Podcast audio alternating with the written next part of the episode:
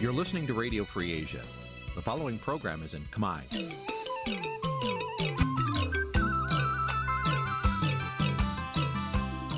Nǐ ជាកម្មវិធីផ្សាយ Vuthu Azizi Serai នេះជាកម្មវិធីផ្សាយរបស់ Vuthu Azizi Serai ជាភាសាខ្មែរ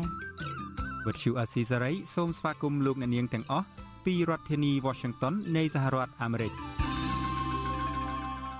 បាទពីរដ្ឋធានី Washington ខ្ញុំបាទសេកបណ្ឌិតសូមជម្រាបសួរអស់លោកអ្នកនាងអ្នកស្ដាប់ទាំងអស់ជាទីមេត្រីយើងខ្ញុំសូមជូនកម្មវិធីផ្សាយសម្រាប់ព្រឹកថ្ងៃសុក្រ8រោចខែអាសត់ឆ្នាំឆ្លូវត្រីស័កពុទ្ធសករាជ2565ត្រូវនឹងថ្ងៃទី29ខែតុលាគ្រិស្តសករាជ2021បាទជាដំបូងនេះសូមអញ្ជើញអស់លោកអ្នកនាងស្ដាប់ព័ត៌មានប្រចាំថ្ងៃដែលមានមេតិការដូចតទៅ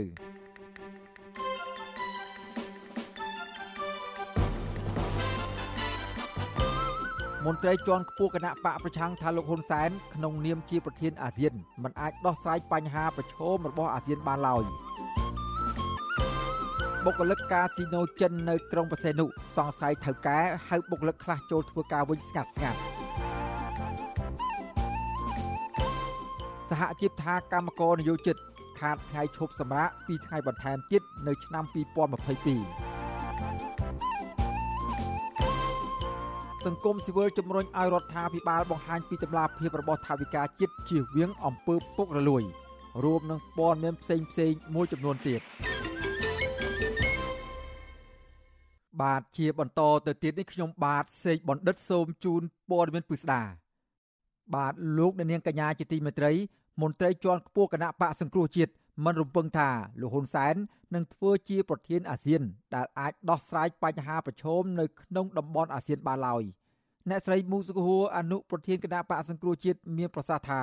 លោកហ៊ុនសែនដល់វេនធ្វើជាប្រធានអាស៊ាននៅឆ្នាំ2022ខាងមុខនេះចំពេលដែលកម្ពុជាត្រូវសហគមន៍អន្តរជាតិចាត់ទុកថា ជាប្រទេសរំលោភសិទ្ធិមនុស្សនិងគ្មាននីតិរដ្ឋអ្នកស្រីបន្ថែមថា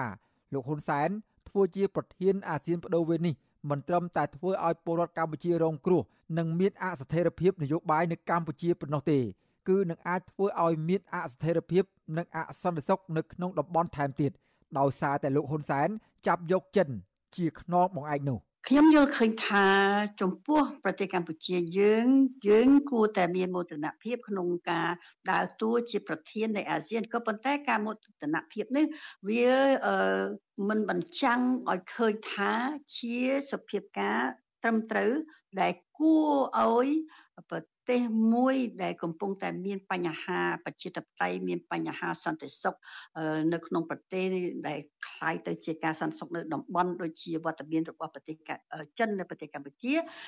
ជាការទំនុកទុកចិត្តដែលយើងអាចទុកចិត្តថាប្រធានថ្មីសម្រាប់អាស៊ានគឺប្រទេសកម្ពុជានឹងបំពេញតួនាទីមួយដូចជាការប្រកាសរបស់លោកហ៊ុនសែនទេ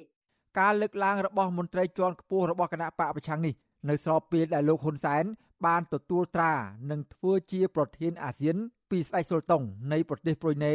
ក្នុងកិច្ចប្រជុំកំពូលអាស៊ាន លើកទី36តាមប្រព័ន្ធវីដេអូកាលពីថ្ងៃទី28តុលា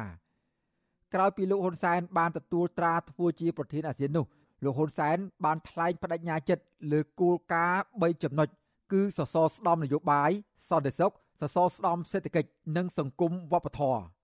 សសរស្តម្ភនយោបាយនិងសន្តិសុខនោះលោកហ៊ុនសែនអះអាងថានឹងផ្ដោតលើការពង្រឹងសាមគ្គីភាព និងការឯកភាពអាស៊ានទាំងក្នុងតំបន់និងក្រៅតំបន់ដោយឈលលើគោលការណ៍អាស៊ានដោយមានចែងនៅក្នុងធម្មនុញ្ញអាស៊ានលោកបន្ថែមថាអាស៊ានត្រូវតែមានភាពធន់និងរឹងមាំប្រឆាំងនឹងសម្ពាធនិងឥទ្ធិពលបណ្ដាលមកពីការកើតឡើងនៃការប្រកួតប្រជែងភូមិសាស្ត្រនយោបាយឧក្រិដ្ឋកម្មឆ្លងដែនអំពើភេរវកម្មការប្រែប្រួលអាកាសធាតុ និងជំងឺឆ្លងរាតត្បាតជាដើម។ទោះបីជាបែបនេះក្តីអ្នកខ្លាំមើលសិទ្ធិកិច្ចអន្តរជាតិរួមទាំងគណៈបកប្រឆាំងផង មិនសង្ឃឹមថាលោកហ៊ុនសែនអាចអនុវត្តបានដូចដែលលោកបានអះអាងនោះឡើយពីព្រោះលោកហ៊ុនសែនធ្លាប់បានបង្ហាញឲ្យពិភពលោកបានឃើញម្ដងរួចទៅហើយកាលពីឆ្នាំ2012ក្នុងពេលដែលលោកបានធ្វើជាប្រធានអាស៊ាននោះកិច្ចប្រជុំកំពូលអាស៊ានដែលកម្ពុជាធ្វើជាម្ចាស់ផ្ទះនោះ លោកហ៊ុនសែនទទួលរងការរិះគន់និងថ្កោលទោសពីក្រមប្រទេសលោកសេរីថាបានចូលដៃចូលជើងជាមួយនឹងប្រទេសចិនរារាំងមិនឲ្យអាស៊ានចេញសេចក្តីថ្លែងការណ៍រួមបានអ្នកស្រីមូសុហួរអះអាងថាការងាកទៅរកចិននិងការពៀផលប្រយោជន៍ចិនរបស់លោកហ៊ុនសែននៅពេលនោះបានធ្វើឲ្យស្ថាប័នអាស៊ានទាំងមូលរងនូវភាពអាម៉ាស់និងបរាជ័យមួយមិនធ្លាប់មានពីមុនមក ក្នុងប្រវត្តិសាស្ត្ររបស់អាស៊ាន ដែលអាស៊ានមិនអាចចេញសេចក្តីថ្លែងការណ៍រួមបាន សម្រាប់បរិបទឆ្នាំ2022ខាងមុខវិញក៏មិនខុសគ្នាប្រមាណដែរនៅស្របពេលដែលលោកហ៊ុនសែនកំពុងមានទំនាក់ទំនងល្អអឿនជាមួយនឹងចិនហើយថែមទាំងគេរកឃើញថារបបឯកបកបានផ្ដាល់មូលដ្ឋានទ័ពចិននៅខេត្តប្រសេនុថែមទៀតនោះនៅស្របពេលកម្ពុជាបានធ្វើជាប្រធានអាស៊ានបដូវវេននេះលោកប្រធានាធិបតីសហរដ្ឋអាមេរិកលោកโจ Biden បានប្រកាសផ្ដល់ជំនួយចំនួន200លានដុល្លារអាមេរិក ជាគម្រោងគំនិតផ្ដួចផ្ដើមថ្មីថ្មីក្នុងការពង្រីកភាពជាដៃគូយុទ្ធសាស្ត្ររបស់អាមេរិកអាស៊ាន នៅក្នុងកិច្ចប្រជុំកំពូលអាមេរិកអាស៊ាន កាលពីថ្ងៃទី26ខែតុលាការផ្ដល់ជំនួយនេះដោយផ្ដោតទៅលើការបដិញ្ញាចិត្តយ៉ាងមោះមុតរបស់រដ្ឋបាលលោកโจ Biden នៅក្នុងទូនាទីស្នូលអាស៊ានសម្រាប់ចក្ខុវិស័យសហរដ្ឋអាមេរិកក្នុងយុទ្ធសាស្ត្រ Indo-Pacific សេរីនិងបើកចំហ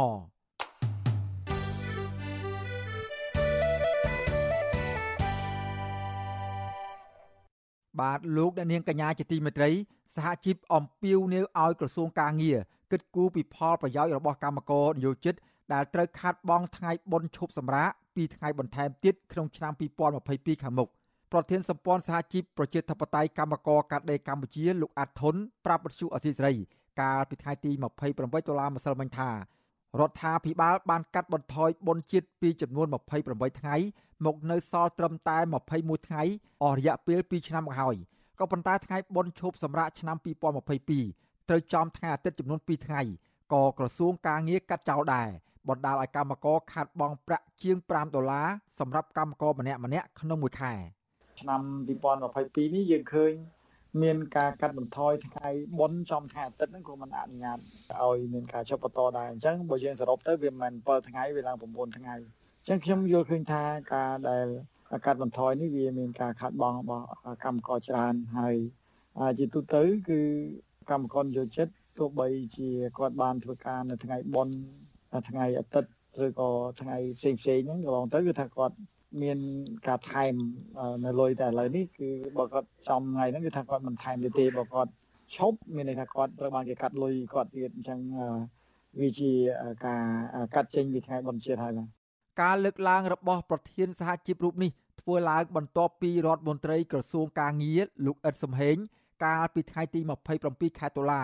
បានចេញសេចក្តីសម្រេចឲ្យកម្មករនយោជិតឈប់សម្រាកនៅថ្ងៃបុណ្យប្រចាំឆ្នាំ2022 ដោយមានប្រាក់ឈ្នួលរយៈពេល21ថ្ងៃដូចគ្នាទៅនឹងឆ្នាំ2021ដែរលោកបន្តថាប្រសិនបើការឈប់សម្រាកបុណ្យជាតិនេះនាំឲ្យប៉ះពាល់ដល់ដំណើរការរបស់រោងចក្រនិងសហគ្រាសម្ចាស់ឬក៏នាយករោងចក្រត្រូវបែងចែកឲ្យកម្មករនយោជិត បានឈប់សម្រាកទៅតាមថ្ងៃបុណ្យនីមួយៗដោយផ្លាស់ប្ដូរវេនគ្នាទោះយ៉ាងណាលោកអាត់ធុនឲ្យដឹងដែរថាកម្មករនយោជិតនៅក្នុងវិស័យកាត់ដេរនិងស្បែកជើង ដែលតម្រូវឲ្យធ្វើការថែម៉ោងម្ចាស់រោងចក្របើកប្រាក់គុណនឹងពីរដង ចំពោះតែរោងចក្រណាដែលមានសហជីពនិងក្រុមហ៊ុនណាដែលគោរពតាមច្បាប់ប៉ុន្តែក្រុមហ៊ុនមួយចំនួនមិនបានផ្ដល់ប្រាក់បន្ថែមដល់អ្នកធ្វើការក្នុងវិស័យសំណង់និងរោងចក្រមួយចំនួននោះទេ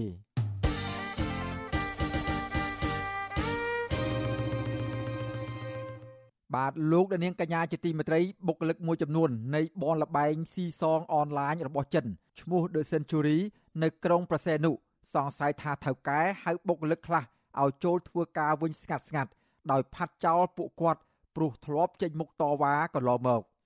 ការព្រួយបារម្ភនេះកើតមានឡើងក្រោយបុគ្គលិកកំពុងបន្តរងចាំដំណោះស្រាយបញ្ហាមួយចំនួន ពីក្រុមហ៊ុន បាទពីរដ្ឋធានី Washington លោកមួងណារ៉េតរាយការណ៍ជុំវិញព័ត៌មាននេះ រដ្ឋបាលខេត្តប្រស័យអនុកាលពីថ្ងៃទី28ខែតុលាប្រកាសបិទបញ្ចប់ការធ្វើចតាល័យស័កនៅអាគារស្នាក់នៅរបស់បុគ្គលិកនៃបនលបែងស៊ីសងអនឡាញរបស់ចិន The Century ក្រោយអះអាងថាបុគ្គលិកទាំងអស់បានជាសះស្បើយពីជំងឺ Covid-19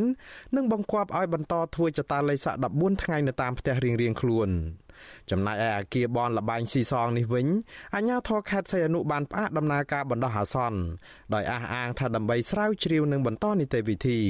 ក៏ប៉ុន្តែក្នុងពេលដែលក្រុមហ៊ុនត្រូវផ្អាកអាជីវកម្មនិងមិនទាន់មានដំណឹងអ្វីជាក់លាក់អំពីដំណោះស្រាយសម្រាប់បុគ្គលិកផងនោះស្រាប់តែបុគ្គលិកជាច្រើនត្រូវក្រុមហ៊ុនទេហៅឲ្យទៅធ្វើការវិញ ការទេហៅទៅធ្វើការវិញនេះបើតាមបុគ្គលិក Casino The Century ដែលសុំមិនបញ្ចេញឈ្មោះប្រាប់វិទ្យុអាស៊ីសេរីកាលពីថ្ងៃទី28ខែតុលាថាគេហៅតែអ្នកដែលមិនធ្លាប់ចូលរួមធ្វើកោតកម្មតវ៉ាទាមទារអត្ថប្រយោជន៍កម្មករប្រការនេះធ្វើឲ្យពួកគាត់ព្រួយបារម្ភអំពីការរើសអើងនិងអំពើអយុត្តិធម៌មកលើបុគ្គលិកដែលហ៊ានចេញតវ៉ាទាមទារសិទ្ធិកម្មករនាពេលកន្លងមកនោះបុគ្គលិកកន្លែងខ្ញុំហ្នឹងមានអ្នកដែលថាគេតែហៅធ្វើការខ្លះវិញអញ្ចឹងណា គេប្រាប់ថាអឺ management ខាងហ្នឹងគឺគាត់អ្នកតែហៅខាងរដ្ឋបាលគាត់អ្នកតែហៅអញ្ចឹងណាចាហ្នឹងហើយមិននិយាយចាំគឺអត់ដាក់កន្លែងចាស់ទេគឺបដូរកន្លែងថ្មីគាត់ប៉ុន្តែដូចបុគ្គលិកដែលគាត់ហៅហ្នឹងគឺសុទ្ធតែបុគ្គលិកដែលអត់មានបញ្ហាជាមួយនឹងក្រុមហ៊ុននេះអញ្ចឹងណាតែគឺអ្នកដែលថាអត់ធ្វើកតកម្មជាមួយពួកខ្ញុំគឺសុទ្ធតែគេហៅធ្វើការវិញទាំងអស់កន្លងមកក្រុមហ៊ុននេះរងការរិះគន់ពីមន្ត្រីសហជីពឯករាជ្យថាមានភាពមិនស្មោះត្រង់ចំពោះបុគ្គលិក និងចង់កិច្ចវេះពីការទទួលខុសត្រូវព្រោះបានឲ្យបុគ្គលិកដាក់ពាក្យសុំលាឈប់ពីការងារក្នុងពេលដែលក្រសួងតម្រូវឲ្យធ្វើចតាលេខសាក់បន្តនៅតាមផ្ទះបុគ្គលិករអ៊ូរទាំថាក្រុមហ៊ុននេះនៅតែមានភាពមិនស្មោះត្រង់និងមិនផ្ដល់ព័ត៌មានច្បាស់លាស់និងគ្រប់គ្រាន់ដើម្បីឲ្យបុគ្គលិកអាចទទួលយកបាន ក្នុងពេលដែលរងចាំដំណឹងអំពីស្ថានភាពដំណោះស្រាយការងារ ពួកខ្ញុំអត់មានទៀមទីអីច្រើនទេគាត់ពួកខ្ញុំចង់និយាយថាចេះបើសិនជាក្រុមហ៊ុនគាត់បើកដំណើរការមិនបើកដំណើរការចង់ឲ្យពួកគាត់ក៏ដំណឹងឲ្យពួកខ្ញុំវិញព្រោះពួកខ្ញុំរកការងារធ្វើអត់ចាំអីចឹងណាគាត់ចង់ឲ្យគាត់ហ្នឹងបើថាមិនហៅពួកខ្ញុំឬមួយក៏អីទេគាត់ដំណឹងឲ្យពួកខ្ញុំឬមួយក៏បញ្ចុះពួកខ្ញុំអីហើយហ្នឹងឲ្យគាត់គិតគូរតាមហ្នឹងឲ្យពួកខ្ញុំឲ្យវាចប់រឿងរ៉ាវអីចឹងណារឿងរ៉ាវនេះប្រហែលជាមិនអាចឆាប់ចប់ទេព្រោះខាងក្រុមហ៊ុនផ្អាកដំណើរការក៏ប៉ុន្តែទេហៅបុគ្គលិកចោះចោះ ឲ្យចូលទៅធ្វើការវិញដោយទុកឲ្យបុគ្គលិកជាច្រើនទៀតស្ថិតនៅក្នុងភាពមិនច្បាស់លាស់និងគ្មានដំណោះស្រាយជាក់លាក់នៅឡើយរីឯអាជ្ញាធរមូលដ្ឋានវិញពួកគេបានត្រឹមតែអះអាងនៅក្នុងលិខិតរបស់ខ្លួន ថានឹងស៊ើបអង្កេតករណីនេះ ក៏ប៉ុន្តែមិនដឹងថាតើការស៊ើបអង្កេតនេះអាចប្រព្រឹត្តទៅដោយជឿទុកចិត្តបានឬក៏យ៉ាងណាព្រោះកន្លងមកមន្ត្រីសហជីពបានស្នើឲ្យរដ្ឋាភិបាលបង្កើតគណៈកម្មការស៊ើបអង្កេតឯករាជ្យថ្នាក់ជាតិដោយមានការចូលរួមពីភាគីពាក់ព័ន្ធដែរក៏ប៉ុន្តែគ្មានសេចក្តីរាយការណ៍ណាមួយអំពីការបង្កើតគណៈកម្មការបែបនេះនោះទេវិទ្យុអាស៊ីសេរីព្យាយាមតាក់ទងแนะនាំពាក្យសាលាខេត្តប្រសិទ្ធអនុលោកខៀងភិរមជាច្រើនដងដែរដើម្បីបំភ្លឺរឿងនេះតែលោកមិនលើកទូរស័ព្ទ វិទ្យុអាស៊ីសេរីក៏មិនអាចសុំការបំភ្លឺពីប្រធានមន្ត្រីការងារនិងបណ្ដុះបណ្ដាលវិជ្ជាជីវៈខេត្តប្រស័យអនុលោកយៅខេមរាកាលពីថ្ងៃទី28ខែតុលាដោយលោកមិនលើកទូរស័ព្ទដែរ បុគ្គលិកម្នាក់ទៀតដែលកំពុងតែរងផលប៉ះពាល់ផ្នែកជីវភាពដោយសារតែភាពអត់ការងារធ្វើនិងភាពមិនច្បាស់លាស់នៃដំណោះស្រាយករណីបនលបែងចិននេះប្រាប់វិទ្យុអាស៊ីសេរីនៅក្នុងលក្ខខណ្ឌសុំមិនបញ្ចេញឈ្មោះដែរថាក្រុមហ៊ុននេះហាក់ដូចជាចង់ឲ្យបុគ្គលិកស្ងប់ចិត្តដោយសន្យាថានឹងគិតគូរអំពីបញ្ហារបស់បុគ្គលិកដែរក៏ប៉ុន្តែភាពមិនច្បាស់លាស់និងខ្វះព័ត៌មាននិងភាពខ្វះតម្លាភាពធ្វើឲ្យបុគ្គលិកស្ថិតនៅក្នុងស្ថានភាពវល់វល់ ក្រុមហ៊ុនគឺគេការពួកខ្ញុំសួរហ្នឹងនៅពេលដែលពួកខ្ញុំ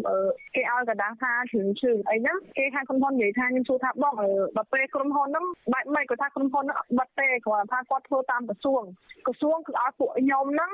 ទៅធ្វើចតល័យស័កនៅផ្ទះហើយពួកខ្ញុំនិយាយថាចុះឧទាហរណ៍ថាបើសិនជាក្រុមហ៊ុនអត់ថាពួកខ្ញុំនិយាយ ដល់ពេលហើយក៏គាត់និយាយថាអត់ទេក្រុមហ៊ុនគឺគេនឹងហាពួកខ្ញុំហើយពួកខ្ញុំក៏បានសួរ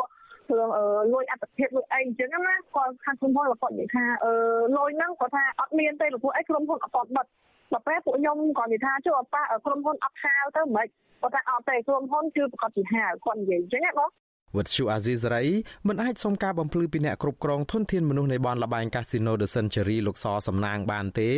កាលពីថ្ងៃទី28ខែតុលាដោយសារតែលោកមិនលើកទូរស័ព្ទដែរក៏ប៉ុន្តែមកដល់ពេលនេះក្រុមហ៊ុនត្រូវផ្អាកដំណើរការបុគ្គលិកខ្លះត្រូវក្រុមហ៊ុនហៅទៅធ្វើការវិញអត់តែពួកគាត់ដែលធ្លាប់ចូលរួមតវ៉ានៅក្រុមហ៊ុនការអះអាងរបស់ក្រុមហ៊ុននេះទៀតសោតធ្វើឡើងដោយផ្ទាល់មាត់និងគ្មានកិច្ចសន្យាអ្វីច្បាស់លាស់នោះឡើយ មន្ត្រីសហជីពថាស្ថានភាពបែបនេះធ្វើឲ្យបុគ្គលិកទាំងនោះជួបបញ្ហាធំដោយក្រុមហ៊ុនអាចនឹងមិនយកពួកគាត់ចូលធ្វើការវិញក៏បានព្រោះគ្មានធ្វើកិច្ចសន្យាច្បាស់លាស់បែបនេះប្រធានសហភាពការងារកម្ពុជាលោកអាត់ធុនបារម្ភថាបុគ្គលិកគ្មានតំណាងសហជីពធ្វើឲ្យតកែក្រុមហ៊ុនអាចកេងប្រវ័ញ្ចអត្ថប្រយោជន៍និងសិទ្ធិរបស់ពួកគាត់បានយ៉ាងងាយលោកថានៅក្នុងករណីបែបនេះស្ថាប័នអាណាព្យាបាលគឺមានតែក្រសួងការងារតែប៉ុណ្ណោះ ដែលអាចជួយដោះស្រាយបញ្ហាពួកគាត់បានបើទោះបីជាយ៉ាងនេះក្តីលោកអាត់ធុនលើកទឹកចិត្តឲ្យបុគ្គលិកដែលមានបញ្ហានាំគ្នាដាក់ពាក្យប្តឹងដើម្បីសុំអន្តរាគមន៍ហើយយកកន្លងមកខ្ញុំឃើញថាបើมันមានអន្តរាគមពីរដ្ឋមន្ត្រីឬក៏ពីនាយករដ្ឋមន្ត្រីឬក៏ពីខាងណាទេគឺនៅមន្ទីរឬក៏ស្ថាប័នរដ្ឋមួយចំនួនដូចជាធ្វើហ្នឹងដូចជាមិនសូវស្វាហាប់ទេ រឿងខ្លះក៏មានអន្តរាគមពីសហជីពពីខាងអង្គការហ្នឹងក៏មានការដុតដៃដុតជើងខ្លះដែរអញ្ចឹងខ្ញុំគិតថាវាបុគ្គលិកបើសិនជាមន្ទីរមិនធ្វើការគឺគេអាចប្តឹងមកសហជីពឬក៏អង្គការពាក់ព័ន្ធឬក៏ប្តឹងទៅនាយករដ្ឋមន្ត្រីឬក៏រដ្ឋមន្ត្រីឬក៏ចៅហ្វាយខេត្តទៅដើម្បីដាក់សម្ពាធឲ្យមន្ទីរនឹងធ្វើការឬក៏ក្រុមហ៊ុននឹងដោះស្រាយបញ្ហាហ្នឹង បនលបែងកាស៊ីណូអនឡាញចិននេះស្ថិតនៅភូមិលេខ5សង្កាត់លេខ4ក្រុងប្រស័យអនុមានបុគ្គលិកបម្រើការ437នាក់ដែលឆ្លងជំងឺ Covid-19 និងស្លាប់ម្នាក់កាលពីចុងខែកញ្ញាក្រុមគ្រួសារសពកំពុងតែរងចាំយុត្តិធម៌រដ្ឋាភិបាល បានបិទបនលបែងអនឡាញតាំងពីខែសីហាឆ្នាំ2019ក៏ប៉ុន្តែបនលបែងអនឡាញនេះនៅតែបើកដំណើរការបាននៅកណ្ដាលក្រុងប្រស័យអនុ រហូតធ្វើឲ្យបុគ្គលិកឆ្លងជំងឺ Covid-19 ពេញកាស៊ីណូទើបតែអាជ្ញាធរខេត្តប្រកាសឲ្យផ្អាកដំណើរការជាបណ្ដោះអាសន្នកាលពីថ្ងៃទី22ខែតុលាកន្លងទៅឥឡូវបុគ្គលិកកម្មករកំពុងតែប្រឈមបញ្ហាជីវភាពនិងបំណុលធនាគារក្នុងពេលដែលពួកគាត់មិនបានទទួលដំណឹងច្បាស់លាស់អំពីការស៊ើបអង្កេតនិងដំណោះស្រាយរឿងការងារនេះ។ មន្ត្រីសម្របសម្រួលសមាគមការពារសិទ្ធិមនុស្សអាត់ហុកប្រចាំខេត្តបរសៃអនុអ្នកស្រីជីបសុធារីស្នើឲ្យភាគីពាក់ព័ន្ធបង្ហាញព័ត៌មានឲ្យបានទូលំទូលាយនិងច្បាស់លាស់ដើម្បីឲ្យបុគ្គលិកអាចសម្រេចចិត្តត្រឹមត្រូវដើម្បីដោះស្រាយបញ្ហាជីវភាពនិងអនាគតការងារអ្នកស្រីបន្ថែមថាបើក្នុងករណីដែលកាស៊ីណូនេះមានសាខាថ្មីដែលត្រូវការបុគ្គលិក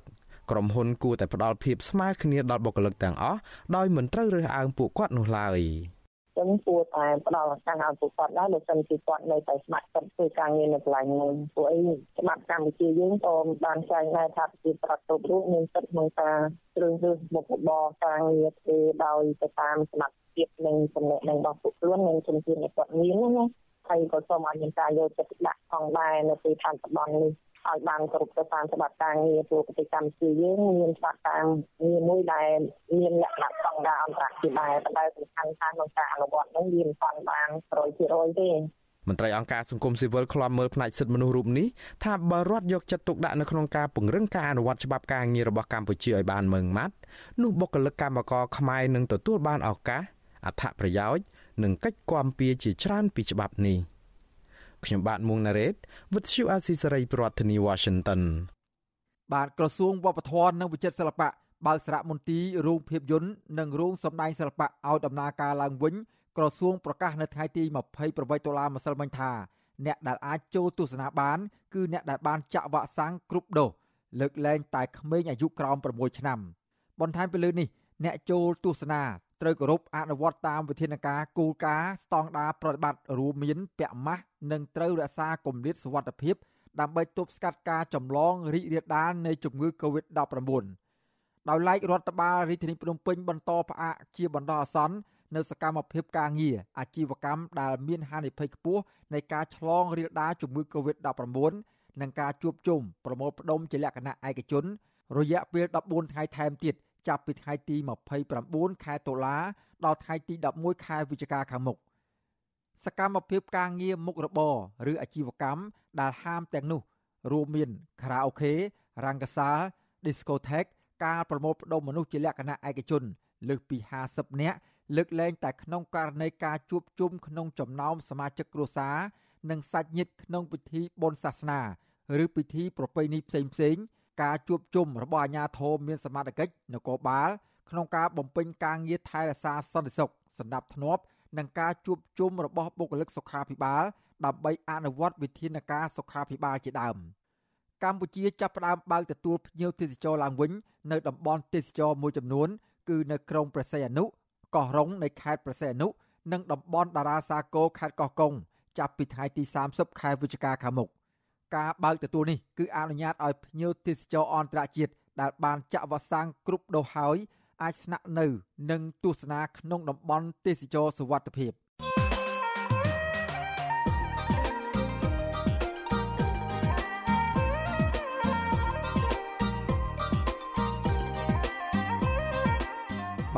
លោកដានាងកញ្ញាជាទីមេត្រីរដ្ឋាភិបាលបានបង្កើតគោលនយោបាយជំរុញចលនាទេសចរផ្ទៃក្នុងសម្រាប់ឆ្នាំ2021ដល់ឆ្នាំ2023ដើម្បីស្ដារសេដ្ឋកិច្ចពីវិបត្តិជំងឺ Covid-19 គោលនយោបាយនេះឈលលើគោលការណ៍រក្សាបាននូវតុល្យភាពរវាងសកម្មភាពសង្គមសេដ្ឋកិច្ច និងការធានាសុវត្ថិភាព និងសុខភាពសាធារណៈសម្រាប់ប្រជាពលរដ្ឋនិងភ្ញៀវទេសចរដើម្បីបង្កលក្ខណៈងាយស្រួលឲ្យប្រជាពលរដ្ឋអាចធ្វើដំណើរបានទូទាំងប្រទេសប្រកបដោយសុវត្ថិភាពតើសង្គមស៊ីវិលយល់ឃើញយ៉ាងណាដែរជុំវិញការបើកប្រទេសឲ្យដំណើរការទេសចរឡើងវិញនេះបាទសូមលោកដានៀងរងចាំស្ដាប់និងទស្សនាកិច្ចពិភាក្សានេះនៅក្នុងនេតិវេទិកាអ្នកស្ដាប់វិទ្យុអាស៊ីសេរីនៅយប់ថ្ងៃសុក្រ ទី29តុលានេះពីម៉ោង7កន្លះដល់ម៉ោង8កន្លះយប់បើសិនជាលោកដានាង មានសំណួរឬចង់សួរទៅភ្ញៀវរបស់យើងដោយផ្ទាល់លោកដានាងអាចដាក់លេខទូរស័ព្ទរបស់អស់លោកដានាង នៅក្នុងខ្ទង់ comment ឬប្រអប់សារ Messenger Facebook និង YouTube អាស៊ីសេរីក្រុមការងាររបស់យើងនឹងហៅទៅកាន់លោកអ្នកវិញ បាទសូមអរគុណ បាទលោកអ្នកនាងកំពុងតាមដានស្ដាប់ការផ្សាយរបស់វិទ្យុអស៊ីសេរីពីរដ្ឋធានីវ៉ាស៊ីនតោនសហរដ្ឋអាមេរិកក្រមការងារសង្គមស៊ីវិលជំរុញឲ្យរដ្ឋាភិបាលបង្ហាញតម្លាភាពថវិកាជាតិទាំងប្រភពចំណូល និងចំណាយដល់សាធារណជនឲ្យបានលម្អិតនិងច្បាស់លាស់ដើម្បីលុបបំបាត់អំពើពុករលួយនៅតាមស្ថាប័នរដ្ឋការជំរុញបែបនេះធ្វើឡើងនៅក្នុងវេទិកាសាធារណៈថ្នាក់ជាតិស្ដីពីការចូលរួមរបស់ប្រជាពលរដ្ឋ ក្នុងដំណើរការនៃការកសាងថវិកានិងការតាមដានលើការចំណាយថវិកាសាធារណៈក្នុងបរិបទ COVID-19 ដែលរៀបចំដោយវេទិកានៃអង្គការមិនមែនរដ្ឋាភិបាលស្ដីពីកម្ពុជាហៅកាត់ថា NGO Forum នៅថ្ងៃទី28ខែតុលាម្សិលមិញបាទពីរដ្ឋធានី Washington លោកទីនសាការីយ៉ារាយការណ៍ជំនួយព័ត៌មាននេះច្បាប់ថាវិការជាតិគឺជាឧបករណ៍ដ៏មានសារៈសំខាន់បំផុតរបស់រដ្ឋាភិបាលកម្ពុជាក្នុងការអនុវត្តផែនការអភិវឌ្ឍជាតិ និងតាមវិស័យនីមួយៗដើម្បីសម្រេចបាននូវកំណើនសេដ្ឋកិច្ចនិងការកាត់បន្ថយភាពក្រីក្រ ជាពិសេសក្នុងពេលប្រទេសកម្ពុជាកំពុងតែរងគ្រោះវិបត្តិជំងឺ Covid-19 ប៉ុន្តែមន្ត្រីអង្គការសង្គមស៊ីវិលពិនិត្យឃើញថាថាវិការជាតិដែលរដ្ឋាភិបាលប្រើប្រាស់កន្លងមក នៅមិនទាន់មានដំណាភាព និងគណនេយ្យភាពត្រឹមត្រូវនោះទេពួកគាត់ទាមទាររដ្ឋាភិបាលលាតត្រដាងអំពីចំណូលប្រចាំឆ្នាំដែលរកបានមកពីគ្រប់វិស័យ និងការប្រើប្រាស់ខ្ទង់ចំណាយឲ្យបានលម្អិតជាសាធារណៈព្រោះការបាត់បង់រឿងថវិកាជាតិនេះនាំឲ្យការប្រើប្រាស់ថវិកាជាតិពុំមានប្រសិទ្ធភាពនិងកើតមានអំពើពុករលួយនាយកប្រតិបត្តិវេទិកានៃអង្គការមិនមែនរដ្ឋាភិបាលស្ដីពីកម្ពុជាលោកអុកវណ្ណារាថ្លែងថាដំណាភាពឬភាពបើកចំហនៃព័ត៌មានថាវិការជាតិជាប្រការដ៏សំខាន់បំផុតដែលញ៉ាំងឲ្យប្រជាពលរដ្ឋទុកចិត្តលើរដ្ឋាភិបាលលោកបន្តថាគិតមកដល់ពេលនេះ ព័ត៌មានថាវិការជាតិរដ្ឋាភិបាលមិនទាន់ផ្សព្វផ្សាយឲ្យបានទូលំទូលាយនោះឡើយលោកវណ្ណរាបញ្ជាក់ថាលទ្ធផលនៃការអង្កេតថាវិការជាតិជាចំហរយៈពេល2ឆ្នាំម្ដង កាលពីឆ្នាំ2019តាក់ទងនឹងដំណាភាពនិងកណន័យភាពថាវិការជាតិការចូលរួមរបស់ប្រជាពលរដ្ឋនិងការត្រួតពិនិត្យការចាយវាយថវិកាជាតិពីសំណាក់ស្ថាប័ននីតិបញ្ញត្តិនិងអាជ្ញាធរសវនកម្មជាតិបង្ហាញថាកម្ពុជា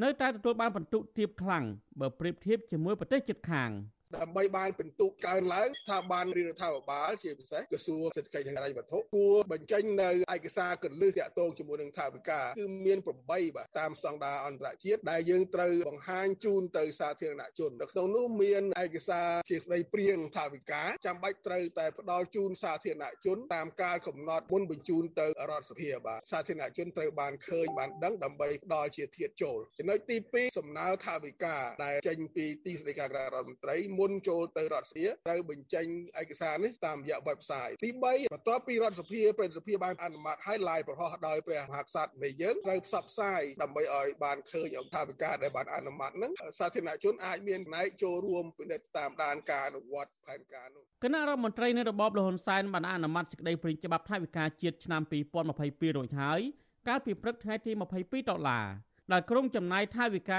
ជាតិសរុបប្រមាណ8500លានដុល្លារអាមេរិក គម្រោងចំណាយនេះកើនឡើងជាង8%ធៀបនឹងឆ្នាំ2021ដែលមានប្រមាណ7500លានដុល្លារតកតងនឹងចំណូលវិញរដ្ឋាភិបាលក្រុងប្រមូលចំណូលឲ្យបានជាង6300លានដុល្លារកើនឡើងជិត20%បើធៀបទៅនឹងឆ្នាំ2021ដែលមានជិត5000លានដុល្លារសេចក្តីព្រាងច្បាប់ស្តីពីថាវិការជាតិត្រូវបានគណៈកម្មាធិការអចិន្ត្រៃយ៍នៃរដ្ឋសភា អនុម័តទទួលយកនិងប្រគល់ជូនគណៈកម្មការជំនាញរដ្ឋសភាកាលពីថ្ងៃទី27ដុល្លារតែទៅនឹងបញ្ហានេះនាយកប្រតិបត្តិអង្គការអភិវឌ្ឍនិងភាពជាដៃគូក្នុងសកម្មភាពលោកមុំសម្បត្តិមានប្រសាសន៍ថារដ្ឋសភាគួរតែបំពេញតួនាទីសំខាន់សំខាន់មួយចំនួនដើម្បីធ្វើឲ្យប្រសើរឡើងនៅដំណាភាពនិងកិត្តិយសភាពថាវិការជាតិដូចជាជំរុញអរដ្ឋាភិបាលត្រូវធានាឲ្យប្រជាពលរដ្ឋបានចូលរួមបញ្ចេញយោបល់ ជំវិញ ដំណើរការរៀបចំផែនការជាតិនិងដឹងព័ត៌មានជាក់លាក់អំពីគម្រោងនៃការចំណាយថវិកាជាតិក្រៅពីនេះរដ្ឋសភាគួរតែជជែកដេញដោលឲ្យបានស៊ីជម្រៅទៅលើខ្ទង់ចំណាយសម្រាប់វិស័យអតិភិបមួយចំនួននិងតាមដានទៅលើការចំណាយថវិកាជាតិលោកបន្តថាបើសិនជារកឃើញភាពមិនប្រក្រតីណាមួយកើតឡើង ក្នុងក្រសួងឬស្ថាប័នណាមួយរដ្ឋសភាត្រូវក៏ហៅតំណាងក្រសួងឬតំណាងស្ថាប័ននោះមកបំភ្លឺ ជូនសាធារណជនដើម្បីឲ្យអស់មន្ទិលសង្ស័យ គឺទៅបង្ហាញអំពីប្រភពចំណូលប្រភពចំណូលយើងដឹងថាមកពីមិនមែនសារពើពុនមកពីសារពើពុនមូលនិធិហើយនឹងបំណុលបរទេសព័ត៌មានសំខាន់ណាស់សម្រាប់ប្រជាពលរដ្ឋមន្ត្រីរាជការវិស័យឯកជនឬក៏អ្នកពាក់ព័ន្ធដទៃទៀតពីព្រោះថាពួកគាត់ជាប់កាតព្វកិច្ចក្នុងការបង់ពន្ធទោះបីជាបំណុលមកពីបរទេសក៏ប្រជាពលរដ្ឋមានកាតព្វកិច្ចចូលរួមការសងត្រឡប់ទៅវិញទៅប្រទេសអស់ទៅនឹងតាមរយៈការបង់ពន្ធគ្រប់សារពើផងដែរដូច្នេះកន្លែងនេះគួរតែមានលម្អិតនៅក្នុងថវិកាជាតិដើម្បីឲ្យប្រជាពលរដ្ឋលោកយល់ហើយមួយវិញទៀតយើងដឹងថានៅពេលដែលចំណាយសភាមានទូរទីសំខាន់ណាស់ក្នុងការតាមដានត្រួតពិនិត្យរាល់ការចំណាយថវិកាជាតិទៅតាមមូលដ្ឋានទៅតាមក្រសួងតើតើនឹងបញ្ហានេះប្រធាននាយកដ្ឋានអប់រំបង្ការនិងទប់ស្កាត់នៃអង្គភាពប្រឆាំងអំពើពុករលួយនៅស្រីអ៊ូស៊ីថាលើកឡើងថាស្ថាប័ននីតិបញ្ញត្តិបានយកចិត្តទុកដាក់ខ្ពស់លើការប្រយុទ្ធប្រឆាំងអំពើពុករលួយ និងអភិបាលកិច្ចល្អតាមរយៈការបង្កើតគណៈកម្មការអង្កេតបោះសម្អាត និងប្រឆាំងអំពើពុករលួយ ឬហៅថាគណៈកម្មការទី10នៃរដ្ឋសភានៅស្រីអះអាងទៀតថាស្ថាប័ននេះក៏បានចូលរួមពិនិត្យនិងរៀបចំសេចក្តីស្នើច្បាប់ពាក់ព័ន្ធនឹងវិស័យប្រឆាំងអំពើពុករលួយនិងបានចូលរួមត្រួតពិនិត្យការអនុវត្តច្បាប់ព្រមទាំងចុះបំពេញបេសកកម្មតាមក្រសួងស្ថាប័ននិងរាជធានីខេត្តជាដើម។ ឧទាហរណ៍គាត់ចុះបេសកកម្មទៅខាងខេត្តគឺយើងមានការសហការក្នុងការផ្ដល់ធ្វើការបង្ហាញពីលទ្ធផលការងាររបស់អង្គភាពឆាំងពើពុកលួយជួយក្នុងការផ្សព្វផ្សាយច្បាប់បទបញ្ញត្តិពាក់ព័ន្ធហើយក៏មានការចែករំលែកនៅឯកសារឧបករណ៍អប់រំផ្សព្វផ្សាយដែលអង្គភាពឆាំងពើពុកលួយបានរៀបចំគឺតាមរយៈគណៈកម្មការទី10ក៏បានយកកទាំងនោះទៅធ្វើការផ្សព្វផ្សាយបន្តបន្ថែមផងដែរនេះគឺជាទម្រង់មួយចំនួននៃកិច្ចការដែលយើងគិតថាអង្គនីតិបញ្ញត្តិពិតជាបានយកចិត្តទុកដាក់ខ្ពស់នៅក្នុងការប្រយុទ្ធប្រឆាំងពើពុកលួយក៏ដូចជាកិច្ចសហការទៅវិញទៅមករវាងអង្គប្រតិបត្តិនិងអង្គនីតិបញ្ញត្តិរាល់ចំណូលចំណាយរបស់ស្ថាប័នរដ្ឋទាំងអស់ស្ថិតនៅក្រោមការត្រួតពិនិត្យរបស់ស្ថាប័នមានសមត្ថកិច្ចមួយចំនួនរួមមានក្រុមការងារកណន័យភាពខេត្តនាយកដ្ឋានសវនកម្មផ្ទៃក្នុងរបស់ក្រសួងស្ថាប័ននីមួយៗអាជ្ញាធរសវនកម្មជាតិរដ្ឋសភា និងអង្គភាពប្រឆាំងអំពើពុករលួយ ក្នុងករណីដែលសង្ស័យថា មានករណីពុករលួយក៏ប៉ុន្តែការប្រើប្រាស់ថវិកាជាតិនៅរយៈពេលជាច្រើនអាណត្តិមកនេះត្រូវបានសង្គមស៊ីវិលជាតិ និងអន្តរជាតិរកឃើញថាមានដំណាភាពតិចតួចបំផុតលើសពីនេះក្រុមអ្នកឃ្លាំមើលរឹតតែព្រួយបារម្ភថែមទៀតដោយសារតែដំណើរការរៀបចំនិងការអនុម័តច្បាប់ថាវិការជាតិប្រមាណឆ្នាំចុងក្រោយនេះមានការចូលរួមតិចតួចពីក្រុមអង្គការសង្គមស៊ីវិលហើយធ្ងន់ធ្ងរជាងនេះទៅទៀតនោះគឺគ្មានវត្តមានតំណាងរាស្ត្រគណៈបកប្រឆាំងដើម្បីជជែកដេញដោលសោះតែម្ដងខ្ញុំទីនសាការីយ៉ាអសិរ័យប្រធានីវ៉ាស៊ីនតោន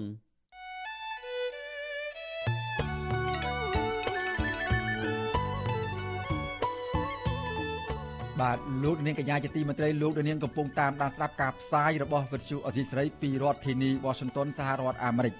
បាទលោកនាងក៏អាចស្ដាប់ការផ្សាយរបស់វិទ្យុអាស៊ីសេរីដំណើរគ្នានឹងការផ្សាយលើបណ្ដាញសង្គម Facebook និង YouTube តាមរយៈរលកធារកាសខ្លីឬ Shortwave តាមកម្រិតនិងកម្ពស់ដូចតទៅនេះបាទពេលព្រឹកចាប់ពីម៉ោង5កន្លះដល់ម៉ោង6កន្លះតាមរយៈរលកធារកាសខ្លី 13715 kHz ស្មើនឹងកម្ពស់ 22m បាទនៅពេលយប់ចាប់ពីម៉ោង7កន្លះដល់ម៉ោង8កន្លះតាមរយៈរលកធារកាសខ្លី9960 kHz ស្មើនឹងកម្ពស់ 30m និង11240 kHz ស្មើនឹងកម្ពស់ 25m បាទសូមអរគុណ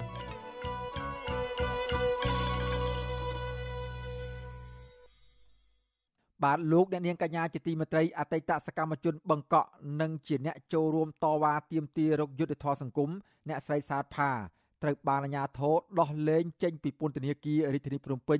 ឬហៅថាពេស៊ីកាលពីថ្ងៃទី28ខែតុលាម្សិលមិញការដោះលែងនេះគឺបន្ទាប់ពីលោកស្រីបានជាប់ឃុំគ្រប់ចំនួនកំណត់រយៈពេល12ខែ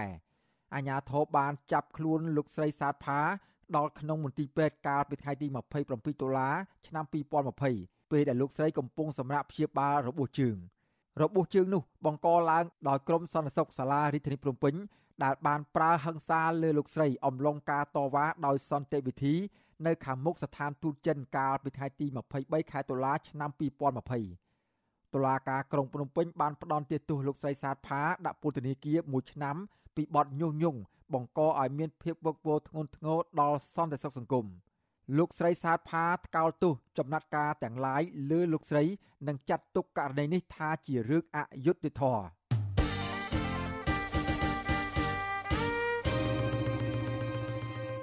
បាទចំណែកនៅឯខេត្តភៀកសាននៅវិញ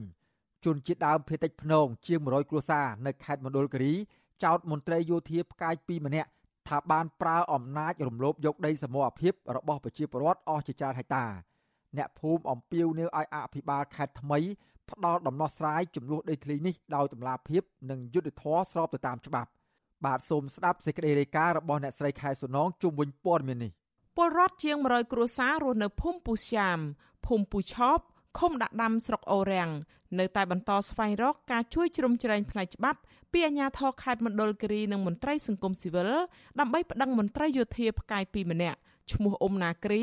ករណីយកគ្រឿងចាក់ឈូសឆាយបំពេញយកដីសមូហភាព និងដីចំការស្រល់ទំហំ100ហិកតា នៅរយៈពេល2សប្តាហ៍ចុងក្រោយនេះតំណាងពលរដ្ឋលោកផ្ចានច្រែនប្រាប់វិទ្យុអាស៊ីសេរីនៅថ្ងៃទី28តុលាថា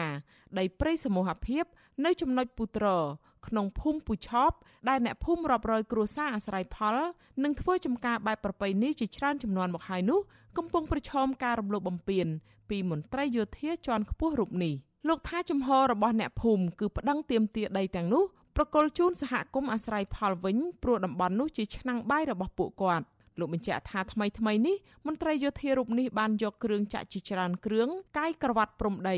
និងហុំព័ទ្ធយកដីទំហំ100ហិកតា នៅតំបន់នោះធ្វើឲ្យពលរដ្ឋផ្ទុះការតវ៉ា ក្នុងសហគមន៍នឹងគេយល់ចាថាក្នុងនោះពីព្រោះសហគមន៍នឹងគេថាបើជនវាគាត់យកក្នុងដីតំបន់សហគមន៍ប្រងនឹងវាបាត់បង់ដីព្រៃហើយទី1បាត់បង់ដីព្រៃទី2បាត់បង់ដីចំការវល់ចំមកបងប្អូនជនជាតិដើមភាគតិចទីប្រឹក្សាបណ្ដាញសហគមន៍ជនជាតិដើមភាគតិចភ្នងលោកក្រើងតុលា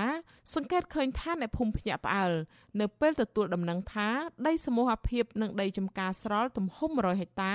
ដែលពួកគាត់ខ្វៀលគោក្របី និងធ្វើចំការបែកកាន់កាប់ដោយមន្ត្រីយោធារូបនេះទៅវិញ លោកថាអ្នកភូមិបានសុំកិច្ចអន្តរាគមន៍ពីអាជ្ញាធរមូលដ្ឋានដល់ថ្នាក់ខេត្តតែមកទល់ពេលនេះនៅមិនទាន់ទទួលបានដំណោះស្រាយនៅឡើយទេ ដល់ពេលឥឡូវស្រាប់តែឃើញគាត់ទៅឈូសឆាយតែម្ដងអត់អត់ដឹងថាគាត់យកពីកាលហើយសួរឯកសារអត់មានដែរអញ្ចឹងថាខាងប្រកែ2ហ្នឹងគាត់គាត់ខ្លាំងដែរហើយខាងប្រជាពលរដ្ឋគាត់សំអាងមានទាំងឯកសារទាំងដំណាំទាំងអីដែលរៀងរៀងខ្លួនអញ្ចឹងបែបប្រពៃណីគាត់ធ្វើចំការវល់ចំមកគាត់ហ្នឹងអ្នកភូមិបានដឹងថាលោកអ៊ុំណាគ្រីជាមន្ត្រីយោធាផ្កាយ2ដែលបម្រើការងារនៅបញ្ជាការដ្ឋានកងទ័ពជើងគោកនៃក្រសួងការពារជាតិលើសពីនេះ ក្រោយពីពលរដ្ឋលើកគ្នាតវ៉ាទាមទារឲ្យបញ្ឈប់សកម្មភាពឈូសឆាយដីព្រៃនៅតំបន់នោះគេឃើញអាជ្ញាធរមូលដ្ឋានខេត្តមណ្ឌលគិរីនិងមន្ត្រីរដ្ឋបាលព្រៃឈើចុះពិនិត្យចំនួនដីធ្លីនេះដែរតែមិនទាន់សម្រេចបែបណានៅឡើយទេវត្តឈូអាស៊ីសេរីមិនអាចតាក់ទងលោកអ៊ុំណាគ្រីដើម្បីសុំការបំភ្លឺជំវិញការចោទប្រកាន់ពីប្រជាពលរដ្ឋបានឡើយនៅថ្ងៃទី28ខែតុលារីឯមេឃុំដាក់ដាំលោកចាស់ណា អភិបាលស្រុកអូរាំងលោកសៀកមូនី និងអ្នកនាំពាក្យសាលាខេត្តមណ្ឌលគិរីលោកសុនសារុនវិទ្យុអសីសេរីក៏មិនទាន់អាចតាក់ទងបានដែរព្រោះទូរស័ព្ទហៅចូលតែគ្មានអ្នកលើកប៉ុន្តែមេឃុំដាក់ដាំលោកចាស់ណា បានប្រាប់កាសែតក្នុងស្រុកយ៉ាងខ្លីថាពុំមានការលក់ដីរដ្ឋនិងដីព្រៃសហគមន៍នោះទេព្រោះដីចំការស្រល់នៅក្នុងភូមិពូឆប់អាជ្ញាធរមូលដ្ឋានក៏មិនបានលក់ដូរដែរ តាក់ទងរឿងនេះដែរមន្ត្រីសង្គមស៊ីវិលសង្កេតឃើញថាដីសមូហភាពទំហំ100ហិកតាទាំងនោះជាដីសាធារណៈរបស់រដ្ឋគ្មានបុគ្គលណា មានសិទ្ធិទិញលក់គ្រប់គ្រងជាសម្បត្តិឯកជននោះឡើយជាងនេះទៅទៀតអាជ្ញាធរត្រូវចាត់វិធានការដកហូតដីសមូហភាពទាំងនោះយកមកជាសម្បត្តិរដ្ឋវិញ មមន្ត្រីពង្រឹងសិទ្ធិអំណាចសហគមន៍មូលដ្ឋាននៃសមាគមអាត60លោកប៉ែនបូណាជំរុញឲ្យអាជ្ញាធរខេត្តមណ្ឌលគិរីត្រូវស៊ើបអង្កេតរឿងនេះឲ្យគ្រប់ជ្រុងជ្រោយនិងត្រូវអនុវត្តច្បាប់លើអ្នកពាក់ព័ន្ធដែលរំលោភដីសាធារណៈរបស់រដ្ឋ លោកសង្កេតឃើញថា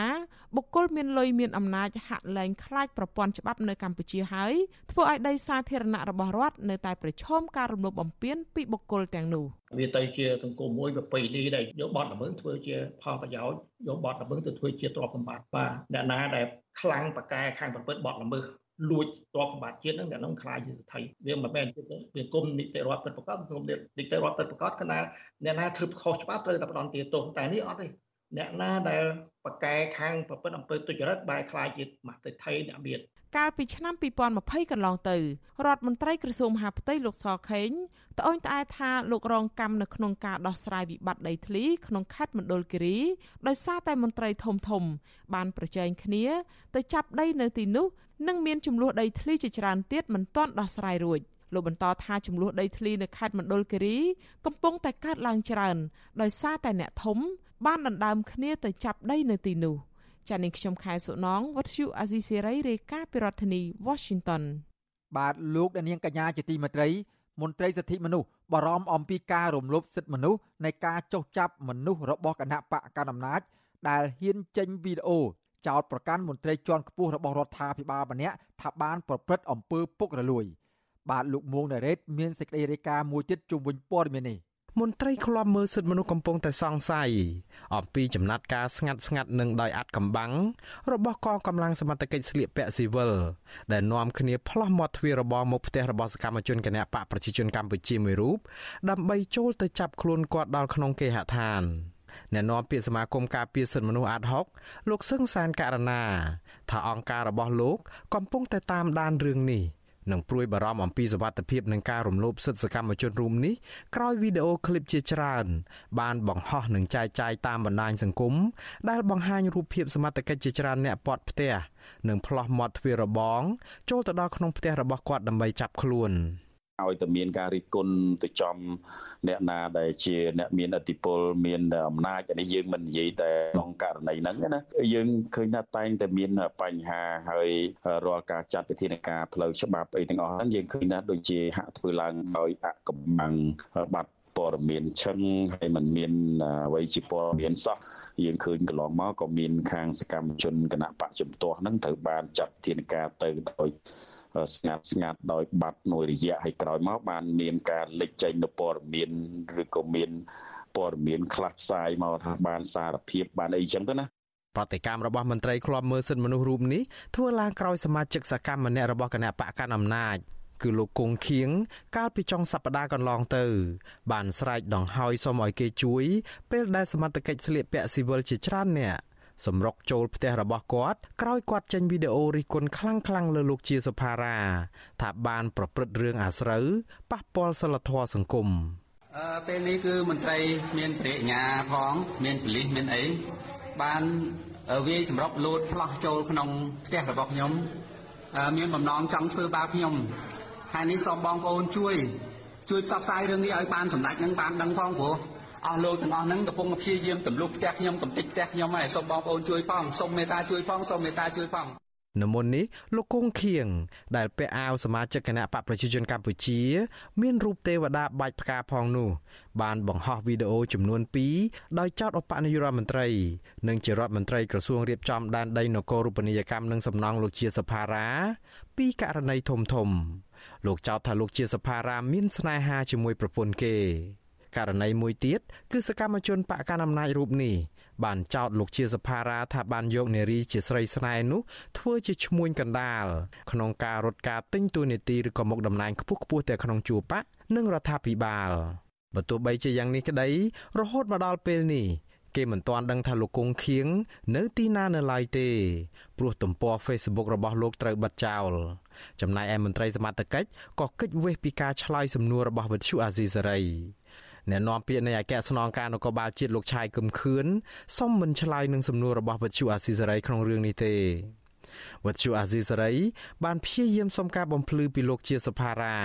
តាមលេខទូរស័ព្ទនៅលើទំព័រ Facebook សាធារណៈរបស់លោក កាលពីថ្ងៃទី26ខែតុលា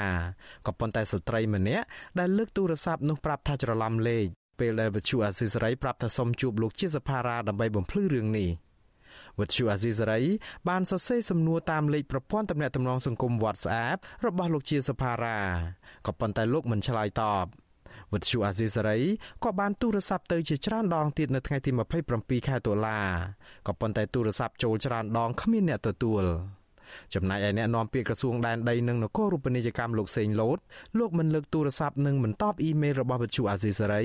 ដែលសូមបំភ្លឺជាមួយរឿងនេះនោះដែរ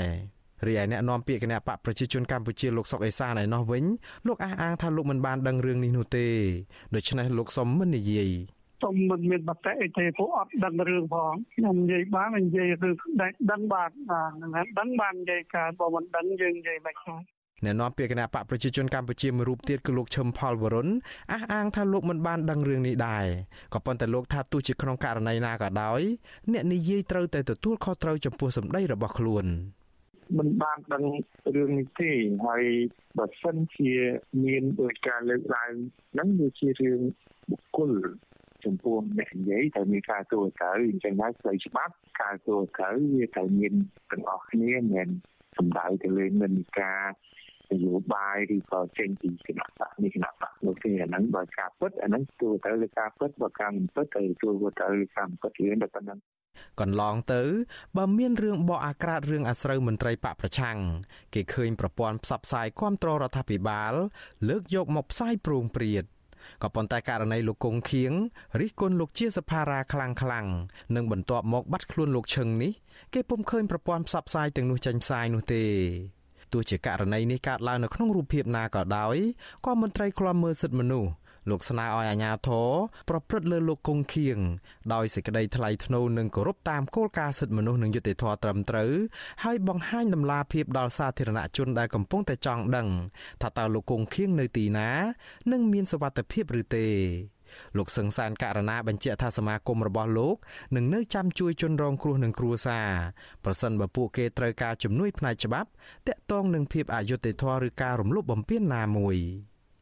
ខ្ញុំបាទមុងណារ៉េត With you Asisari ប្រធានាទី Washington បាទលោកអ្នកនាងកញ្ញាជាទីមេត្រីពាក់ព័ន្ធនឹងបញ្ហាបរិស្ថាននៅខេត្តកោះកុងឯនោះវិញព្រៃកោងកាងទំហំ63ហិកតា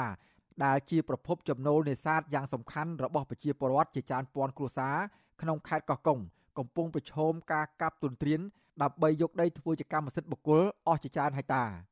ពលរដ្ឋជាង200គ្រួសារបានដាក់ពាក្យប្តឹងសុំកិច្ចអន្តរាគមន៍ទៅអាជ្ញាធរឃុំស្រុកខេត្ត និងក្រសួងបរិស្ថានដើម្បីទប់ស្កាត់និងស៊ើបអង្កេតរកជនល្មើសមកផ្ដន់ទោសទៅតាមច្បាប់ប៉ុន្តែមិនទាន់មានដំណោះស្រាយនៅឡើយទេរហូតមកទល់នឹងពេលនេះបាទពីរដ្ឋធានីវ៉ាស៊ីនតោនលោកលេងម៉ាលីរាយការណ៍ជុំវិញព័ត៌មាននេះ ពលរដ្ឋជាង200គ្រួសាររស់នៅក្នុងភូមិចំនួន8ក្នុងឃុំជ្រោយស្វាយស្រុកស្រែអំបិលរិះគន់អាជ្ញាធរខេត្តកោះកុងថាមិនអើពើដោះស្រាយពាក្យបណ្ដឹងរបស់ពួកគាត់ដែលពឹងឲ្យអាជ្ញាធរជួយទប់ស្កាត់សកម្មភាពកាប់បំផ្លាញព្រៃកោងកាងអស់ជាង12ហិកតាជាថ្មីទៀតនៅរយៈពេល6ខែចុងក្រោយនេះ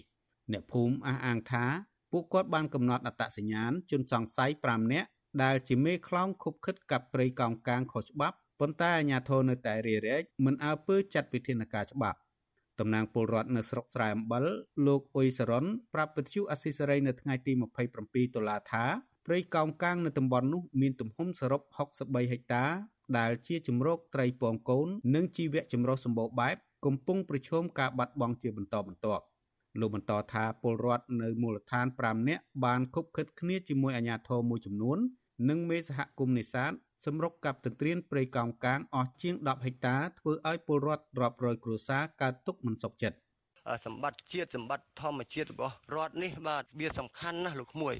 និយាយបើរឿងធនធានធម្មជាតិវិញ គឺវាបាត់បង់នៅ ដូចជាជីវៈចម្រុះក្តាម ខ្យងត្រីបង្គា បាទអាហ្នឹងគឺវាវាប៉ះពាល់ច្រើនណាស់ប៉ះពាល់ដល់ រដ្ឋហេតុអីបានថាប៉ះពាល់ដល់រដ្ឋពីព្រោះអាជនប្រព្រឹត្តហ្នឹងវាកាប់យកធ្វើជាឯកជនយកដីរដ្ឋហ្នឹងបាទពលរដ្ឋរូបនេះបន្ថែមថាអ្នកភូមិជាង200គ្រួសារបានរួមគ្នាដាក់ពាក្យប្តឹងសុំកិច្ចអន្តរាគមន៍ទៅអាជ្ញាធរឃុំស្រុកនិងខេត្តជាច្រើនលើកមកហើយតែគ្មានដំណោះស្រាយនៅឡើយទេរីឯជនល្មើសនៅតែបន្តសកម្មភាពកាប់ទន្ទ្រានព្រៃកោងកាងដើម្បីយកដីធ្វើជាកម្មសិទ្ធិនៅកន្លែងដែលពលរដ្ឋនេសាទត្រីចិញ្ចឹមជីវិត ប្រជាសហគមន៍នេសាទគឺលោកញៀវហាជស្ដាយព្រៃកោងកាងដែលជាជំរកត្រីពងកូននិងជាឆ្នាំងបាយរបស់ប្រជាពលរដ្ឋជាច្រើនភូមិក្នុងឃុំជ្រោយស្វាយនេសាទត្រីជាលក្ខណៈគ្រួសាររកប្រាក់ចំណូលចិញ្ចឹមជីវិតកំពុងប្រឈមវិនាសហិនហោចលោកបញ្ជាក់ទៀតថាអ្នកភូមិអាចរកប្រាក់ចំណូលពីការនេសាទត្រីចាប់ពី40000រៀលដល់ជាង100,000រៀលក្នុងមួយថ្ងៃពីព្រៃកោងកាងនៅតំបន់នោះ ដូច្នេះប្រសិនបើបាត់បង់ព្រៃកោងកាងពួកគាត់នឹងគ្មានកន្លែងនេសាទត្រីចិញ្ចឹមជីវិតទៀតទេសប្តាហ៍ប្រជាពលរដ្ឋក៏កំតស៊ូចូលរឿងគប់រនាំងអីក៏ដោយក៏គាត់នៅតែព្យាយាមគឺជាកន្លែងដែលគាត់រស់ស៊ីប្រកបមុំបររៀងរាល់ថ្ងៃអញ្ចឹងអត់តស៊ូលុះត្រាគេស្ថិតគេមានលុយមានអំណាចក៏ដោយក៏គាត់នៅតែចាប់គ្នាតស៊ូរហូតដឹងថាឆ្នាំណាខាណាដែលគេរស់ស្រ័យ វិទ្យុអស៊ីសេរីមិនអាចតាក់ទងសុំការបំភ្លឺរឿងនេះពីអ្នកនាំពាក្យសាលាខេត្តកោះកុងលោកសុកសុធីបាននៅឡើយទេដោយសារទូរស័ព្ទហៅចូលតែគ្មានអ្នកលើកនៅថ្ងៃទី27ដុល្លារប៉ុន្តែមេឃុំជ្រោយស្វាយលោកប៊ុនរ៉េទទួលស្គាល់ថាពិតជាមានការកាប់ទន្ទ្រានព្រៃកោងកាងអស់ជាង10ហិកតា ហើយលោកថាលោកបានផ្ដល់ដំណឹងនេះទៅថ្នាក់លើរួចអស់ហើយលោកបញ្ជាក់ថាកន្លងទៅ លោកបានចាត់មេភូមិនិងសមាជិកក្រុមប្រឹក្សាឃុំចុះស្រាវជ្រាវរឿងនេះ ដើម្បីធ្វើរបាយការណ៍ស្នើឲ្យថ្នាក់លើចាត់វិធានការបន្តទៀតព្រោះភារកិច្ចដោះស្រាយរឿងនេះហួសពីសមត្ថភាពអាជ្ញាធរឃុំសួរនាំតាមអាជ្ញាធរប្រព័ន្ធអ្នកក្រមវិភូមិអីណាសួរនាំឲ្យបន្តមកយើងបានធ្វើបាយបាយការឲ្យទៅលើអត់ថាដោយឡែកប្រធានគណៈកម្មការសហគមន៍នេសាទតំបន់ឆ្នេរសមុទ្រជ្រោយស្វាយលោកហៅឡាញ់ប្រាប់វិទ្យុអស៊ីសេរីថាព្រៃកោងកាងដែលពលរដ្ឋប្តឹងទាមទារនោះមិនស្ថិតក្នុងតំបន់សហគមន៍ដែលលោកគ្រប់គ្រងនោះទេ លោកបញ្ជាក់ថាដីព្រៃកោងកាងនៅតំបន់នោះគឺស្ថិតក្នុងតំបន់ប្រើប្រាស់ច្រើនយ៉ាងដងពេងដែលគ្រប់គ្រងដោយក្រសួងបរិស្ថានបាទអត់មានទេអត់មានទេដល់សហគមន៍សត្វនៅគេដាក់ឲ្យនៅក្នុងសមុទ្រទឹកសមុទ្រហ្មងណាផុតពីពេកកងកាងបាទហើយប្រជាពលរដ្ឋគាត់ទៅរកដើមរស់យ៉ងគាត់ទៅរកធម្មតាប៉ុន្តែពេលគេកាប់បំផ្លាញហ្នឹងក៏យើងខ្ញុំក៏អត់ដឹងដែរដល់ខាងណាដែលកាប់ វិទ្យុអស៊ីសេរីមិនទាន់អាចតាក់ទងប្រធានមន្ទីរបរិស្ថានខេត្តកោះកុងលោកហ៊ុនម៉ារ៉ាឌីដើម្បីសុំការបំភ្លឺរឿងនេះបាននៅឡើយទេនៅថ្ងៃទី27ដុល្លារនេះអ្នកភូមិចាត់ទុកព្រៃកោងកាងនៅតំបន់នោះអាចបង្កើតជាតំបន់អេកូទេសចរធម្មជាតិរក្សាការពារតម្លៃធនធានធម្មជាតិឲ្យមាននិរន្តរភាពជូនពលរដ្ឋនិងបង្កើតឱកាសការងារដល់ប្រជាសហគមន៍ដោយអាចទាញយកប្រាក់ចំណូលបានតាមរយៈភ្ញៀវទេសចរចូលមកទស្សនាកម្សាន្តនៅតំបន់នោះ អ្នកភូមិមានបំណងចង់ថែទាំព្រៃកោងកាងទាំងនេះឲ្យគង់វង្សដើម្បីប្រយោជន៍យូរអង្វែងរបស់ពលរដ្ឋសុវត្ថិភាពបរិស្ថាននិងជំរកសត្វស្លាបជាច្រើនប្រភេទជុំវិញរឿងនេះមន្ត្រីសម្របសម្រួលសមាគមអាត6ខេត្តកោះកុងលោកថោងចន្ទរាសង្កេតឃើញថាជនល្មើសជាប់ខ្សែស្រឡាយអ្នកធំនិងជាអ្នកមានលុយមានអំណាចអាជ្ញាធរមិនយកចិត្តទុកដាក់ដោះស្រាយពាក្យបណ្ដឹងរបស់ពលរដ្ឋនោះទេដែលជាដើមចមធ្វើឲ្យព្រៃកោងកាងនៅតែបន្តបាត់បង់លោកថាលោកខកចិត្ត ចំពោះអាជ្ញាធរខេត្តនេះមិនជួយការពារធនធានធម្មជាតិដែលជាទ្រព្យសម្បត្តិរបស់រដ្ឋស្របតាមច្បាប់នោះទេបើទោះបីជាសកម្មភាពកັບទន្ទ្រានព្រៃកោងកាងកើតឡើងនៅចំពោះមុខអាជ្ញាធរក្តីអាញាធរដូចអត់មានឆន្ទៈនៅក្នុងការពារធនធានធម្មជាតិទ្រព្យសម្បត្តិរបស់រដ្ឋទេពេលខ្លះនោះបាទយើងឃើញមាន ការការបរៀនតន្ត្រៀនកន្លងមកច្រើនកន្លែងមកហើយដូចថាដល់មានការផ្សព្វផ្សាយអីព័ត៌មានច្រើនហ្នឹងទៅបានគាត់ទៅទប់ស្កាត់គាត់មានវិធានការអីទៅលើអ្នកដែលកាប់រៀនតន្ត្រៀនមិនតែមិនមានការអនុវត្តផ្លូវច្បាប់អីបានតឹងរឹងអីច្បាស់លាស់ទេគាត់ពេលខ្លះទៅគាត់ការជួបគ្នាដោះស្រាយតាមរបៀបបែបរដ្ឋបាលប្រជាសហគមន៍នេសាទប្រាប់ថាព្រៃកោងកាងស្ថិតក្នុងតំបន់ឆ្នេរសមុទ្រជ្រោយស្វាយ នៃភូមិជ្រោយស្វាយលិចឃុំជ្រោយស្វាយស្រុកស្រែអំបិលជាប្រភពសេដ្ឋកិច្ចយ៉ាងសំខាន់របស់ពលរដ្ឋ8ភូមិនេសាទត្រីរកប្រាក់ចំណូលដោះស្រាយជីវភាពនិងទទួលប្រយោជន៍ពីភ្ញៀវទេសចរទៅទស្សនាកម្សាន្តអ្នកភូមិបារម្ភថាប្រសិនបើបាត់បង់ព្រៃកោងកាងនោះនឹងបង្កឲ្យប៉ះពាល់ដល់ជំរកត្រីពងកូនសត្វស្លាបជីវៈចម្រុះសមុទ្រនិងជីវភាពសហគមន៍ធ្លាក់ចុះជាដើមខ្ញុំបាទលេងម៉ាលីវិទ្យុអស៊ីសេរីរាយការណ៍ពីរដ្ឋធានី Washington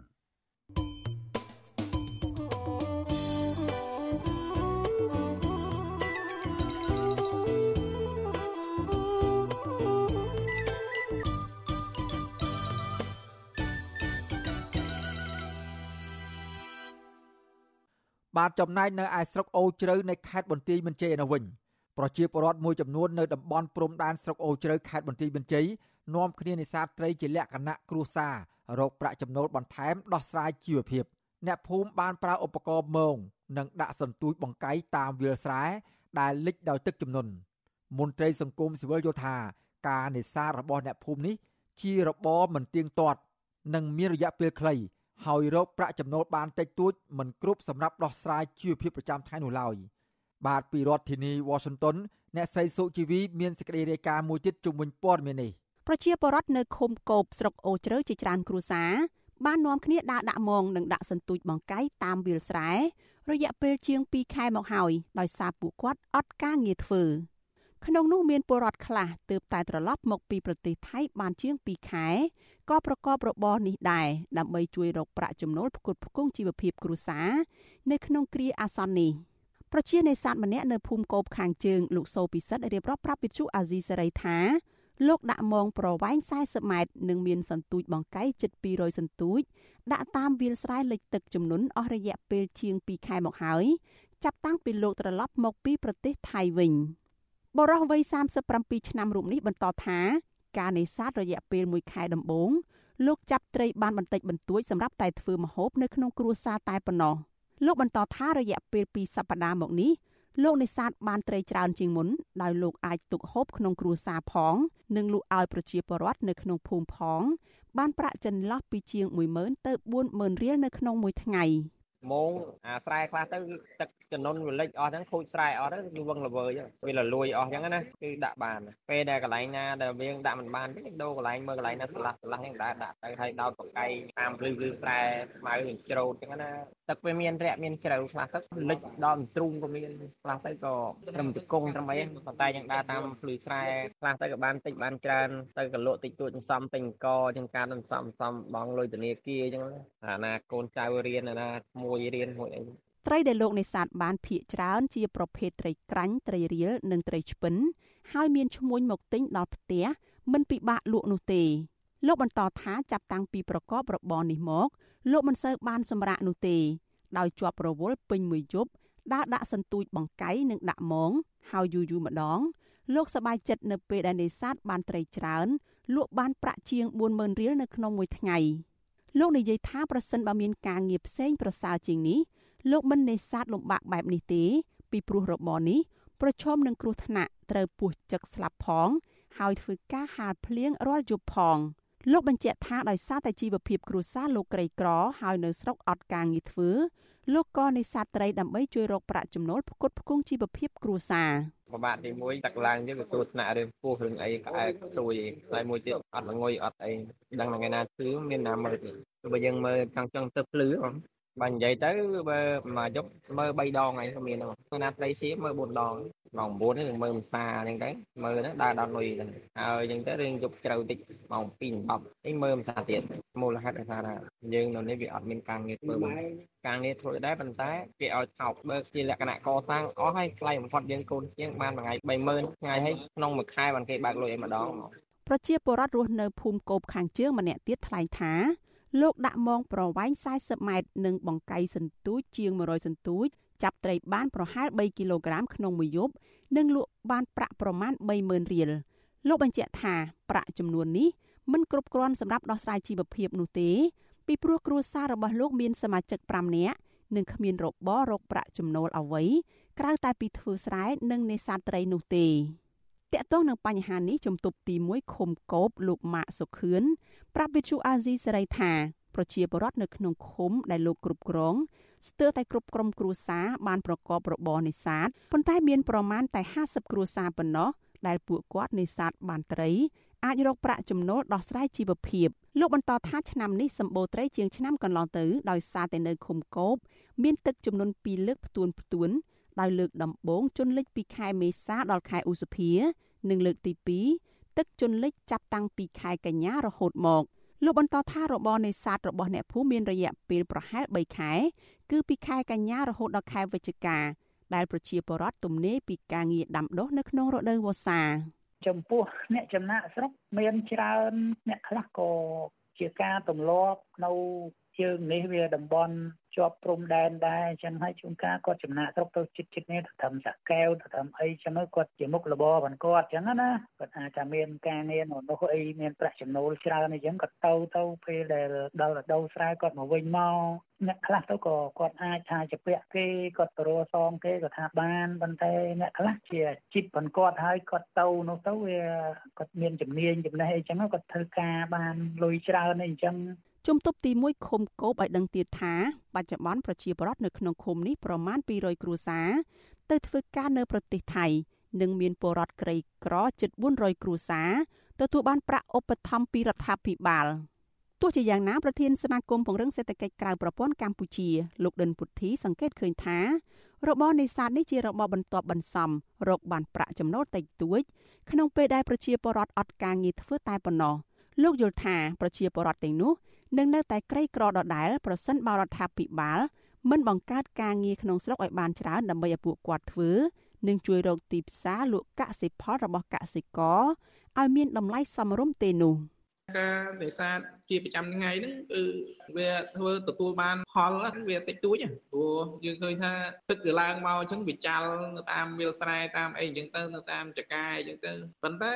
ទឹកទាំងអស់នោះវានឹងស្រកទៅវិញក្នុងរយៈពេល1ខែឬក៏2ខែហ្នឹងអញ្ចឹងកាលណាស្រកទៅវិញគាត់ទៅរកនេសាទអីបានទៀតអត់បានទេអញ្ចឹងជាការងារបដោះអាសន្នទេវាជាការងារអស់ជំរឹះមិនអាចឲ្យគាត់រស់នៅក្នុងរយៈពេលយូរអង្វែងហើយមានប្រាក់ចំណូលសមរម្យអត់អាចលើកស្ទួយជីវភាពរស់នៅរបស់គាត់ហ្នឹងឲ្យបានសមរម្យថ្លៃធ្នូដូចអ្នកមានឬក៏អ្នកមានប្រជុំទេអត់ទេ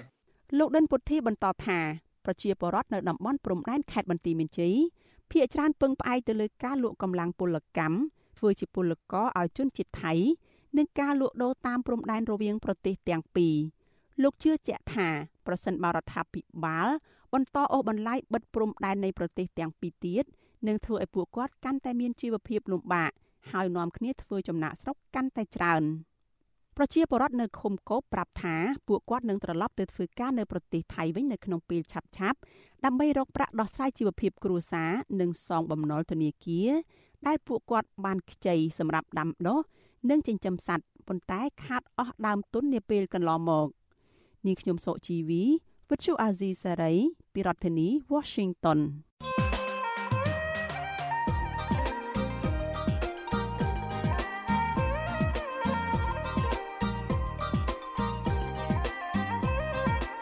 បាទ លោកនាងកញ្ញាជាទីមេត្រីរដ្ឋាភិបាលបានបង្កើតគោលនយោបាយជំរុញចលនាទេសចរផ្ទៃក្នុងសម្រាប់ឆ្នាំ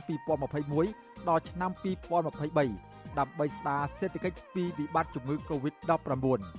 គោលនយោបាយនេះឈលលើគោលការណ៍រក្សាបាននូវតុល្យភាពរវាងសកម្មភាពសង្គមសេដ្ឋកិច្ច និងការធានាសុវត្ថិភាព និងសុខភាពសាធារណៈសម្រាប់ប្រជាពលរដ្ឋនិងភ្ញៀវទេសចរដើម្បីបង្កលក្ខណៈងាយស្រួលឲ្យប្រជាពលរដ្ឋអាចធ្វើដំណើរបានទូទាំងប្រទេសប្រកបដោយសុវត្ថិភាពតើសង្គមស៊ីវិលយល់ឃើញយ៉ាងណាដែរជុំវិញការបើកប្រទេសឲ្យដំណើរការទេសចរឡើងវិញនេះបាទសូមលោកដានៀងរងចាំស្ដាប់និងទស្សនាកិច្ចពិភាក្សានេះនៅក្នុងនេតិវេទិកាអ្នកស្ដាប់វិទ្យុអាស៊ីសេរី នៅយប់ថ្ងៃសុក្រទី29តុលានេះពីម៉ោង7កន្លះដល់ម៉ោង8កន្លះយប់បើសិនជាលោកដានាង មានសំណួរឬចង់សួរទៅភ្ញៀវរបស់យើងដោយផ្ទាល់លោកដានាងអាចដាក់លេខទូរស័ព្ទរបស់អស់លោកដានាង នៅក្នុងខ្ទង់ comment ឬប្រអប់សារ Messenger Facebook និង YouTube អាស៊ីសេរីក្រុមការងាររបស់យើងនឹងហៅទៅកាន់លោកអ្នកវិញ បាទសូមអរគុណ បាទលោកនាងកញ្ញាជាទីមេត្រីការផ្សាយរយៈពេល1ម៉ោងរបស់វិទ្យុអាស៊ីសេរីសម្រាប់ពេលនេះចប់តែប៉ុណ្ណេះយើងខ្ញុំសូមគោរពជូនពរដល់អស់លោកអ្នកនាងព្រមទាំងក្រុមគ្រួសារទាំងអស់ឲ្យជួបប្រកបតែនឹងសេចក្តីសុខចម្រើនរុងរឿងកំបីគ្លៀងគ្លាតឡើយខ្ញុំបាទសេកបណ្ឌិត សូមអរគុណនិងសូមជម្រាបលា